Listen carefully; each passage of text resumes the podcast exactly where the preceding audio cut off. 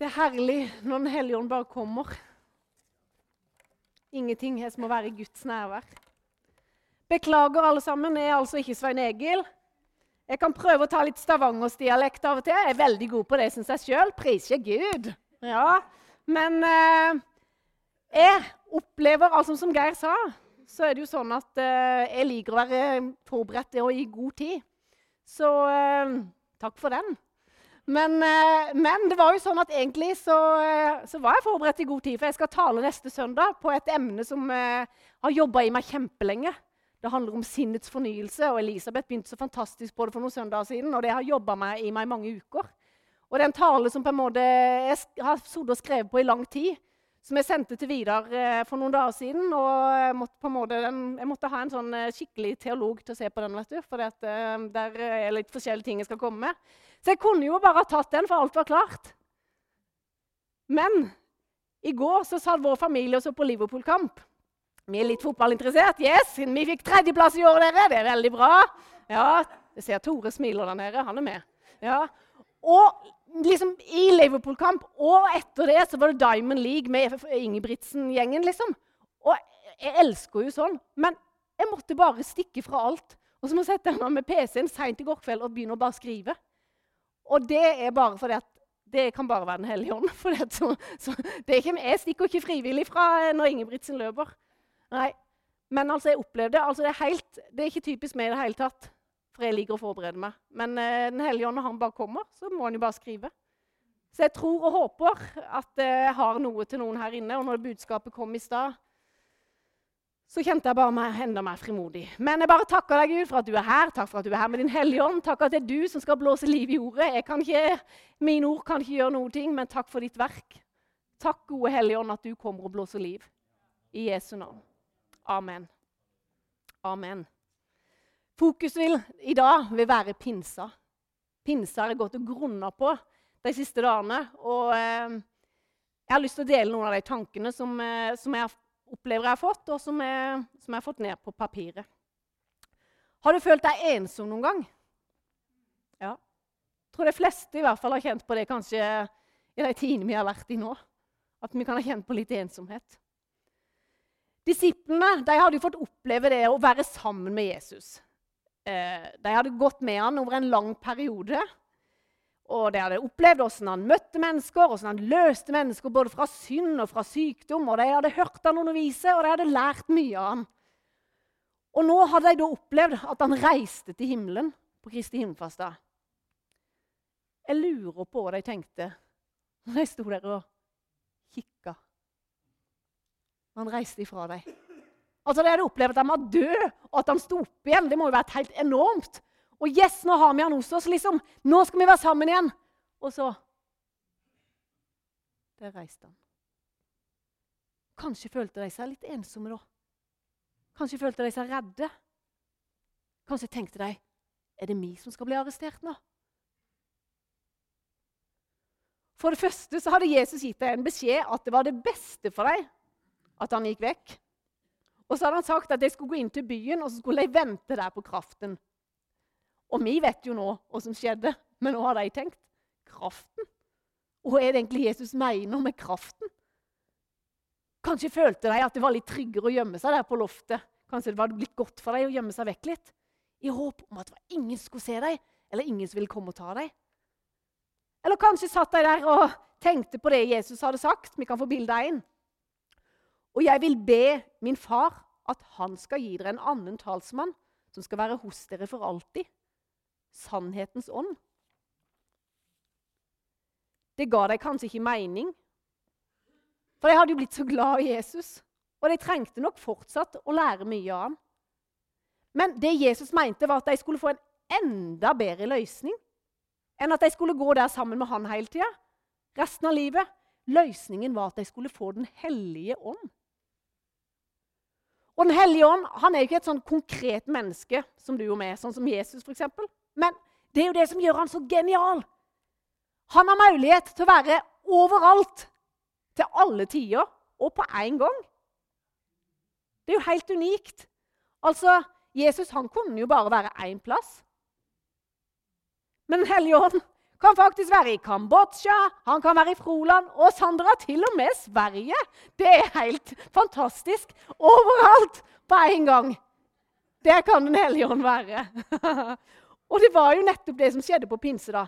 Disiplene de opplevde det å bli fylt av denne overnaturlige kraften. Og frukten av den kraften, den var enorm. Det var Den hellige ånd som gjorde at Peter og Johannes bare noen dager seinere, fra å gjemme seg vekk, så plutselig bare noen dager senere, så løp de frimodig rundt. De reiste rundt, de fortalte andre mennesker om hvor bra Jesus var. De ble satt i fengsel, de ble løslatt igjen, de ble trua, men de sa vi kan ikke la være å snakke om det vi har sett og opplevd. For en forandring! Fra å gå og gjemme seg og være redde til å plutselig bli så frimodige. En radikal forandring. Jeg ønsker å ha tak i mer av dette med pinsa. Den dagen du og vi tok imot Jesus, så flytta Guds ånd inn i oss. Og gjennom Den hellige ånd så kommer Jesus for å bo i oss. Det er dynamitt. Kan gjerne få et amen der, Geir.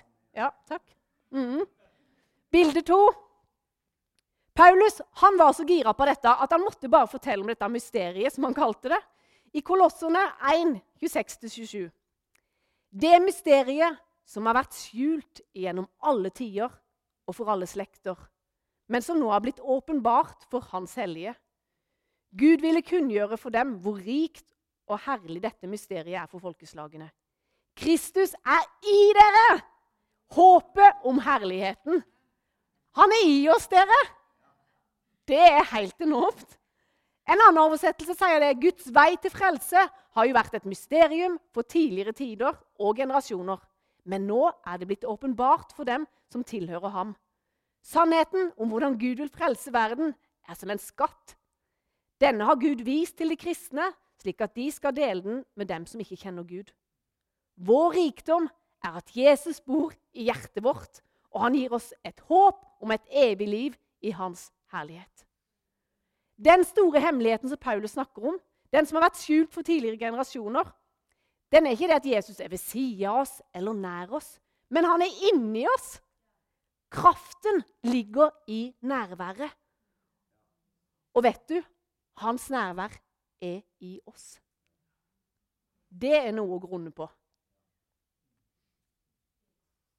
Derfor sier Paulus til menigheten i Korint.: Vet dere ikke at dere er Guds tempel? At Guds ånd bor i dere?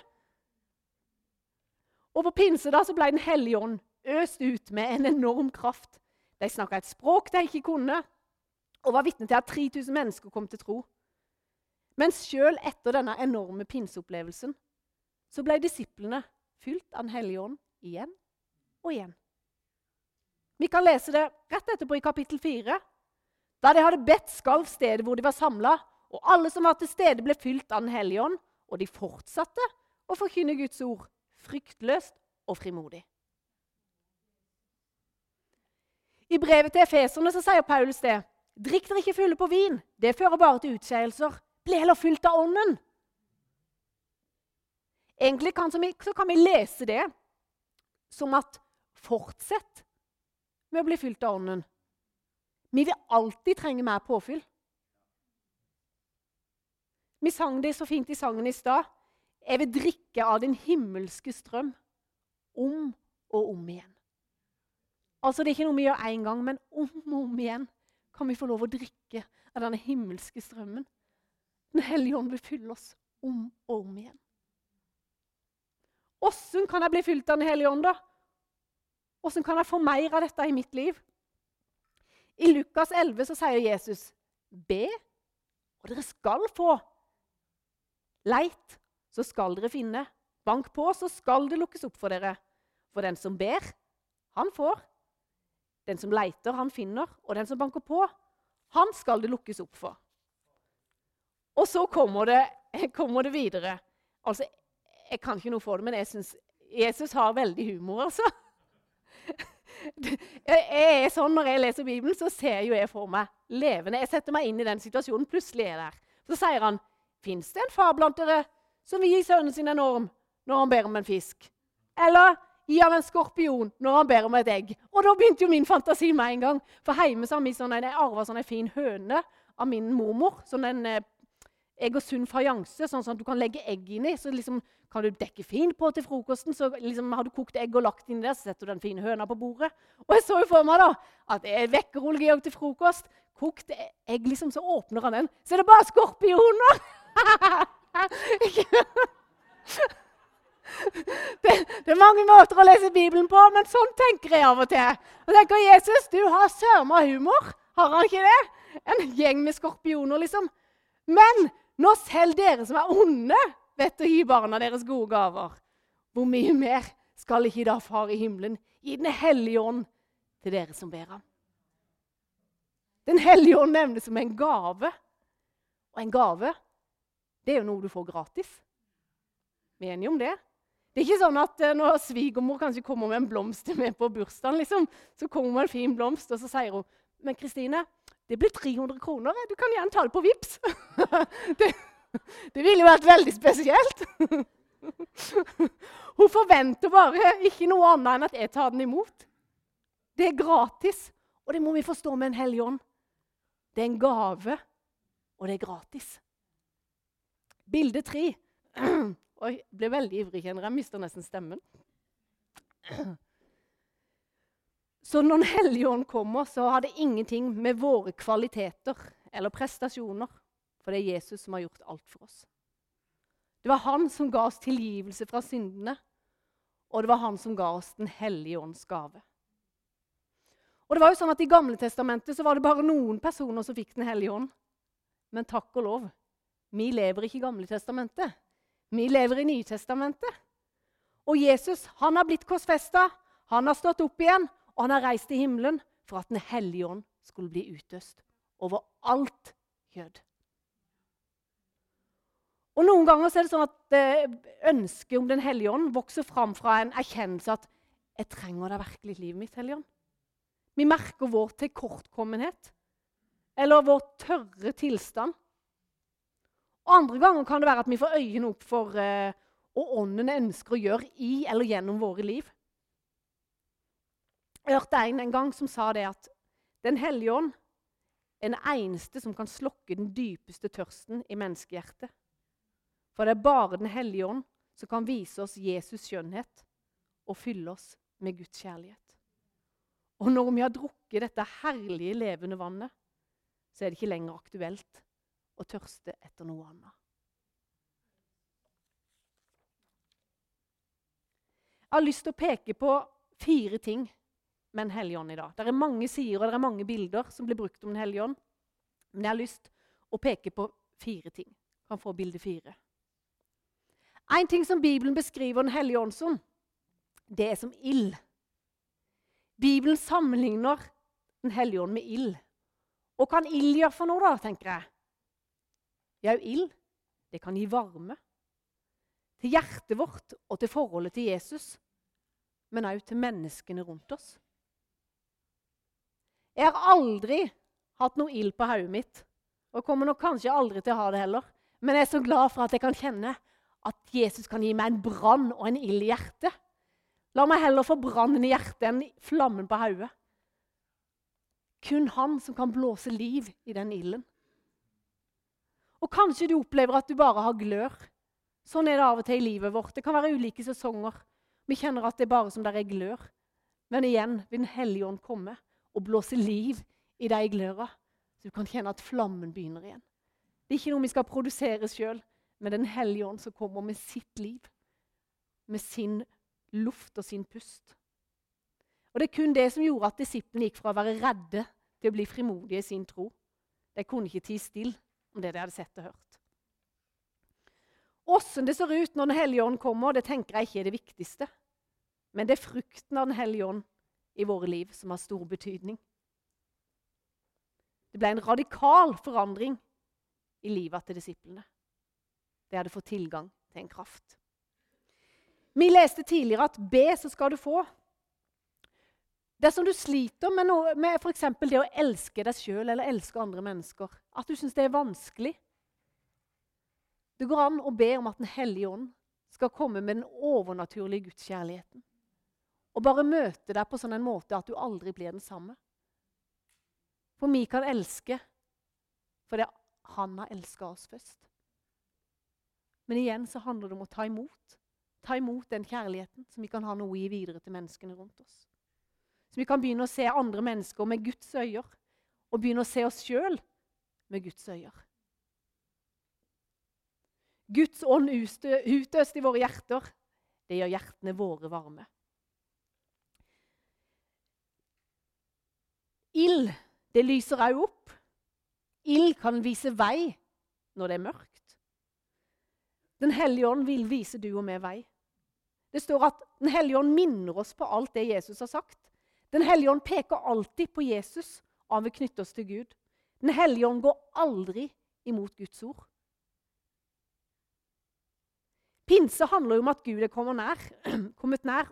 Og pga. sin ånd så kan han være til stede overalt på en gang. Selv om du ikke føler det, så er sannheten at han er kommet nær. Den hellige ånd er levende til stede midt iblant oss nå.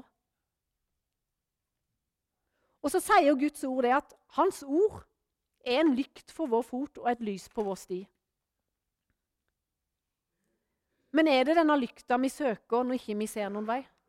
Eller prøver vi av og til å lage oss egne veier i mørket gjennom egen kraft? Det er forskjell på å kjøre på rødt og på grønt lys. Det er en stor forskjell.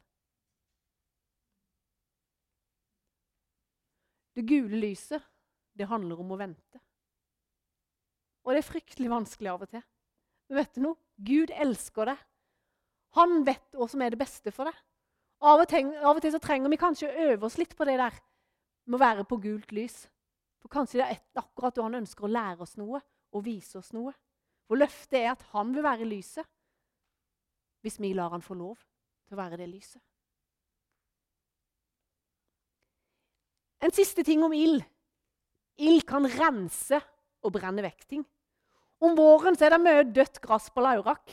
Det er blitt ganske langt og ganske stygt, og det er mye gress. som egentlig, Eller i jordbæråkeren så trengte vi å få revet vekk litt. Det var mye dødt gress.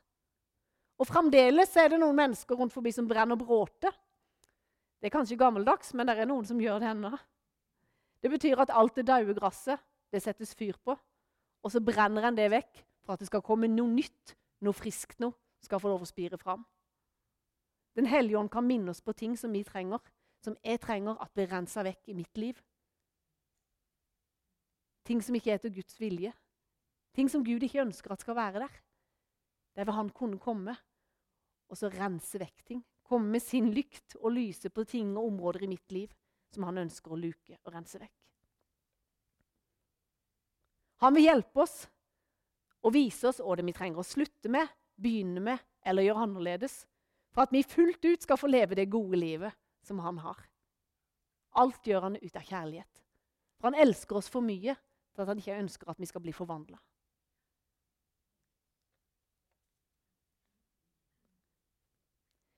Det var nummer én. Det var ild. Og så har vi dua, da, dere. Dua. Den hellige ånd har ofte vært eh, avbilda som ei due. Og det er bilde på både fred og renhet. Paulus han sa det at for Guds rike består ikke i mat og i drikke, men i rettferdighet, fred og glede i Den hellige ånd. Romerne står det i. Det ene er jo det at vi får fred med Gud. Den dagen du sa ja til Jesus og tok han imot, så fikk du fred med Gud. Det er en fantastisk ting. Før var vi uten. Vi kunne, vi kunne ikke ha, ha, kontakt med Gud. Det var et skille mellom oss. Men så Pga. Jesus, pga. den seieren han vant for oss, pga. han tok all vår skyld, all vår skam, all vår synd, så åpna han den veien, og vi fikk fred med Gud. Vi tok imot Jesus. Vi kan kalles Guds barn, dere. En annen ting er det å ha fred i hjerte og tanker. Og det er Den hellige ånd som kan skape i livet våre. Midt i vår hverdag, midt i vårt kaos, så kan vi få erfare fred. Midt i de omstendighetene du står i, så kan du få erfare fred. Av og til så tror jeg det kan handle om at eh, vi ikke alltid klarer å være stille lenge nok eller være i ro lenge nok til at Gud skal få lov å komme med sin fred. Vi har en tendens til å jage rundt overalt. For det kan være utfordrende å måtte forholde seg til det som eh, kanskje en kjenner at er litt vondt og vanskelig i livet. For det berører følelsene våre òg. Så kan vi fort jage rundt for å slippe å tenke og forholde oss til akkurat det.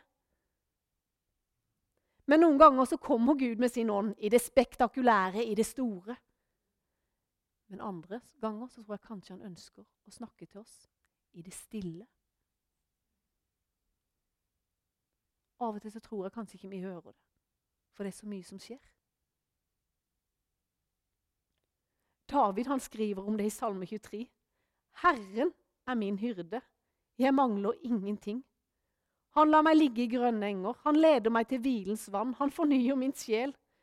Han leder meg på rettferdighetsstier for sitt navns skyld. Ja, selv om jeg må vandre gjennom dødsskyggens dal, frykter jeg ikke for noe vondt, for du er med meg. Din kjepp og din stav, de trøster meg. Du dekker bord for meg framfor mine fiender. Du salver mitt hode med olje. Mitt beger flyter over. Sannelig bare godhet og miskunnhet skal etterjage meg alle mitt livs dager. Og jeg skal bo i Herrens hus til evig tid. Det er litt av noen ord. Og jeg har sjøl fått erfare dette året at jeg har fått bo i den salma. Jeg har fått være i de grønne engene. Jeg har fått hvile og bare ligge der og være hos Gud. Det er bare han som kan trøste på den måten. Det er bare han som kan gi hvile. Det er bare han som kan fylle en med håp. Ingen andre veier. Men en må En må legge seg ned òg. En må stoppe opp for at han skal få lov å komme med sin hvile. Han er den han sier han er. Guds fred midt i kaos er ikke noe som kan produseres fram. Og Legg merke til endringen midt i salmen. Det begynner med at David sier ut sannheten og hvem Gud er. Han sier det. 'Herren er min hyrde. Han lar meg ligge i grønne enger.' Han seier ut sannheter. Så går det over til at 'du er med meg'. Du trøster meg. Det går fra at han taler ut noen sannheter, til at det er blitt noe personlig. Noe han har erfart personlig. Det er blitt personlig. Det er Guds, det Guds nærvær som får David til å endre sin stil i skrivemåten. Det går over til mer spontan lovprisning, for han har erfart Guds nærvær i sitt liv. Enhver situasjon vi møter på, det gir oss en mulighet til å stole på Gud istedenfor egne oppfatninger, egne opplevelser eller egne oppstendigheter. Troen på Gud som er god, at han har et navn som er større enn alle andre navn. At han ønsker å være til stede i ditt liv midt i alle dine sesonger. Uansett, uansett hvor vondt det er, uansett hvor mye smerter det er, uansett hvordan du ser at det ser ut, så ønsker Gud å være til stede midt i ditt liv. Åssen det ser ut på utsida, åssen omstendighetene er, det trenger ikke si noe om åssen du skal kjenne det på innsida. For der kan faktisk Guds fred råde. Midt i kaoset.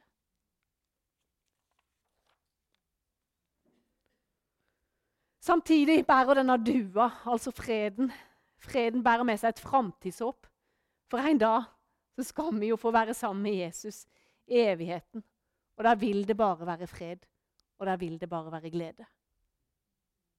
En dag, men samtidig så kan vi få erfare det allerede nå. Det var dua. Så er Den hellige ånd som vinden. Den hellige ånd ble sammenligna med en vind. Åssen virker vinden på oss? Hvis det er skrekkelig varmt ute, så er det nydelig og forfriskende når det kommer litt vind. Det kan være kraftfullt med vind. I fjor så raste det mange tre, og det er mye topprekk på Laurak. For det var en kraftig vind. Vinden er usynlig, og det er Den hellige ånd òg. Men vi kan se, og vi kan merke den alliavel. Vi kan se virkningene av vinden, og vi kan se virkningene av Den hellige ånd. Og det er vanskelig å si akkurat hvor vinden kommer fra, og hvor den blir av. Ingen kan helt kontrollere vinden. Men vi kan lære noe om dens bevegelse til en viss grad. Men jeg tror vi trenger å være ydmyke når det gjelder Guds mysterie med Hans Hellige Ånd. Jeg kan absolutt ikke forstå alt med mitt hode. Kanskje du kan med ditt, men jeg kan ikke. Og det er helt greit. For Gud, han er større enn vår forstand. Hvis vi skulle fatte og forstå alt, da ville vi jo være som Gud. Men han er mye større. Men jeg velger å stole på velger å stole på Gud og la Den hellige ånd få slippe til i mitt liv, i våre sammenhenger, og la det se ut som det vil. Men stole på at det Gud gjør, det er godt. Og så er det vinden. Det er noe fascinerende med den. Vinden den kan holde oppe en ørn, en faul. Men ikke bare det. Enda villere. Den kan jo faktisk holde oppe et fly. Av og til så er det ting i livet vårt som gjør at det kan oppleves vanskelig å holde seg oppe. Men da er Den hellige ånd så bra. For han vil hjelpe, og han vil bære oss. Den hellige ånd har aldri meint at du skal fikse dette livet sjøl. Så er det sånn at den han kaller, den utruster han. Med sin kraft. Og er den første til å skrive under på det. At det er helt, helt fullstendig avhengig av Den hellige ånds kraft. Nå skal jeg være litt personlig med dere. For dette året som jeg har gått igjennom i forhold til mamma, det har jo vært kjempeutfordrende. De fleste her inne vet at mamma ble alvorlig syk og døde for halvannen måned siden. Um, men så har det òg vært en enorm prosess i mitt liv gjennom de siste to åra uh, i forhold til min tjeneste. Uh, hver gang jeg skulle forberede meg til, til, noe i forhold til barn og supersøndag, og sånn, så ble det vanskeligere og vanskeligere. Og det oppleves bare kjempevanskelig. Altså, når jeg skulle skrive en tale til barn, så ble det jo mange sider. Det funka ikke i det hele tatt. Det går jo ikke an. Jeg skulle ikke stå der og snakke til ungene. Det, det, det, gikk ikke. Jeg vet ikke hvor mange ganger jeg måtte skrive om igjen og om igjen, for det funka jo ikke. Det gikk jo ikke. Og jeg har vært frustrert, jeg har kjefta litt på Jesus, det går an. Jeg har sinna på han, og jeg har grener. Og hva er det som skjer? Hva er det for noe, Gud? Hva er det i livet mitt? Hva er det du vil med mitt liv? Jeg har sagt jeg ønsker å tjene deg, men, men dette er jo bare vanskelig. Vil du ha meg en annen vei? Er det noe du, du må vise meg, Gud? Så opplevde jeg at det kom ulike mennesker, som ikke, til og med mennesker jeg ikke kjente engang, som ga meg noen ord, men det ga jo ingen mening. Men jeg bevarte det i hjertet mitt. Jeg skrev det ned i Bibelen. Blant annet så kom det et menneske til meg og så sa det for noen år siden at jeg skal fylle deg med en glede som du skal møte stormene med. Og jeg skjønner jo nå jeg skjønner jo nå hva det ordet betyr. Men i forhold til tjeneste så var det, var det vanskelig å utfordre mange ting. Og så kunne jeg vært på løpeturer. Og midt på en løpetur så bare fikk jeg så mange tanker. Og jeg begynte å forberede taler til begravelser. Jeg fikk ord, jeg fikk ting, så det ga jo ingen mening. Så gikk det plutselig to dager, så ringer telefonen med spørsmål om jeg kan ha en begravelse. Jeg har opplevd så mye rart. Jeg opplevde bare så Gud er bare så enormt stor. Han er bare så enormt stor. Men det har vært så skummelt. Men jeg sa en gang til Jesus Jeg bare var en sang som var 'Jeg vil gå dit du går, hvor hen du kaller. Hjelp meg å følge'. Nei, jeg føler meg absolutt ikke kvalifisert til å være noen pastor. Og i menneskelige øyne så er jeg det ikke. Men når Gud åpner dører, så kan han ikke la være. For han har lovt at den han kaller, den utruster han. Jeg har aldri vært opptatt av titler eller grader. Aldri. Men når jeg fikk en mail av generalsekretæren i Misjonskirka Norge, og han utfordra meg Kristine Kunne du tenke deg å bli ordinert som pastor? Da bare datt jeg sammen, for da tenkte Gud, det kan jo ikke være andre enn du. Det kan ikke være andre enn du som kaller. Om du opplever at det koster å gå på vannet, at det er skummelt, at det er utfordrende og til tider vondt, så er min erfaring at når Den hellige kommer med sin kraft, så kommer han på en overnaturlig måte. Så kan du bare kjenne at på innsida så blir du sterk som en løve. Og du får en frimodighet som du aldri i deg sjøl kan ha. Det er bare Den hellige ånd. Det er bare Den hellige ånd som kan utruste. Og Gud blir så stor. Og Da kan en få lov å være som den lille gutten som kommer med fiskene og brøda. Og det lille du har, så kan en få lov å gi det til Jesus. Og så er det kun Jesus. Det er kun Jesus som kan gjøre at det blir til noe mer. Jeg skal bare tørke litt, sånn at jeg ser neste linje. Det var altså vinden. Da er det siste punkt som er vannet. Mm. Den hellige ånd som vann. Jeg vet ikke. Men jeg vet i hvert fall at min mann når han er ute og jobber om sommeren på skauen og går med motorsaga, har gått med motorsaga i mange timer Og da han kommer og da får et iskaldt vann Nei, iskaldt vann, iskaldt glass med vann over hodet, holdt jeg på seg. Det var ikke det jeg mente, men et iskaldt glass med vann å drikke. Det gjør noe. Det er veldig godt. Det er forfriskende. Noe så forfriskende og godt når du har kjent at du har svetta, du er utmatta, du er tørr, du er varm. Så er det noe forfriskende med et kaldt glass vann. Ulike ting i livet kan gjøre at vi kjenner på en åndelig tørke, og vi kan kjenne oss sløve. Og hør det er ingen fordømmelse for den som er Jesus Kristus. Ingen fordømmelse. Du er hellig, du er feilfri, du er rettferdig. Men det er mer vann i kraftmagasinet, for å si det på den måten. Det er mer i lageret. Og du vet, Hvis du har sittet på et kraftverk Jeg kan ikke veldig greier om dette, men nå bare så jeg det for meg. Hvis du har sittet på et svært kraftmagasin, og du har sittet i de slusene når de blir åpna, da, da er det kraft. Da suser det igjennom. Og du vet, Den hellige ånd har mer på lager for du. du har meint, han har aldri meint at du skal klare dette sjøl. Men han vil åpne slusene over ditt liv, og så vil han fylle deg i Jesu navn. Mm. Noe av det beste jeg vet å se på, det er når, eh, en foss i naturen. For det er noe spennende og inspirerende når det buldrer, og når du får se hvor mye kraft der er i et sånt fossefall. Det er enormt. Og Den hellige ånd er den som kommer med sin kraft. Så vi kan få lov å leve det overnaturlige livet som Jesus viste oss. At vi kan få lov, få lov, få lov å leve det livet i hverdagen. Skal vi begynne å synge litt? Uansett om du er hen i din hverdag, om du er på skole, om du er på jobb, om du er pensjonist, så er det en kraftkilde. Det er en kraftkilde som Den hellige ånd ønsker å fylle deg med, så du kan få lov å leve ut Jesuslivet der du er i hverdagen. For han bor i troen i ditt hjerte. Til slutt, siste bilde. Glem alt du skal få til, og alt du skal fikse, men begynn å takke og ta imot det Gud vil gi deg gjennom Den hellige ånd. Det er en gave, og det er gratis. Og Den hellige ånds gjerning den er ikke fullført over natta, men den vil virke til stadighet og fylle oss på ny og på ny og på ny. Jeg vet ikke, du som er her inne i dag, om du trenger Den hellige ånd som en ild, som ei due, vind eller vann. Men det eneste jeg vet, er at han har mer på lager for deg. Så la oss nå bare etterpå bruke tid i Guds nærvær. Disiplene de var der på trevet i bønn. Og da kom Den hellige ånd.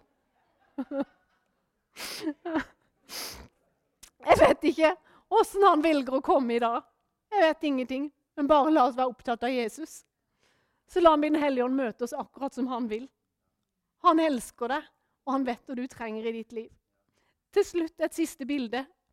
Jeg så det for meg i dag. Gud han var jo den som forma mennesket. Så blåste han liv inn i mennesket. Med sin livspust så blåste han liv, og så ble det liv.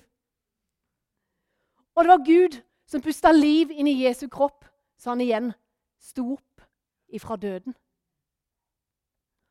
Og det var Gud med sin Hellige Ånd som sendte pust og liv og vind på pinsedag.